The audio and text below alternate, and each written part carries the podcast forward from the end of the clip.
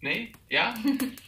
Eh, moeten we nu de Loïc Steeland troostprijs bekendmaken? Dat is ook van deze keer. Dus Loïc Steeland komt u in uw huis troosten. Ja.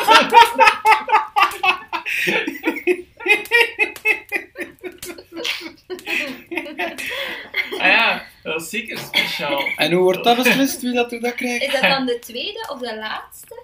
Of de me- Ah, ja. meest troosteloze of Ah, troostrijke gedicht? Of...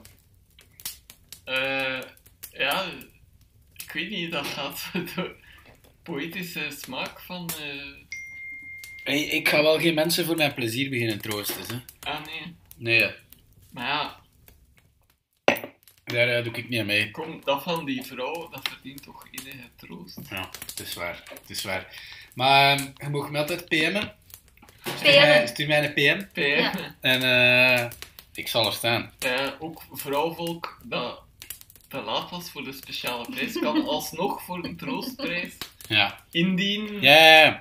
ja, dat is nu net het fijne aan de speciale troostprijs. Loïc Steeland. Klein Hoeken pakt ook mensen die hun best niet gedaan hebben. Je moest zelfs niet meegaan, je moest zelfs niet uitgenodigd zijn. Als je pijs van nieuwe mag wel wel een keer troosten. Ik sta daar. Ik sta daar. Een PMK. Ik ben een wip verwijderd van je deur.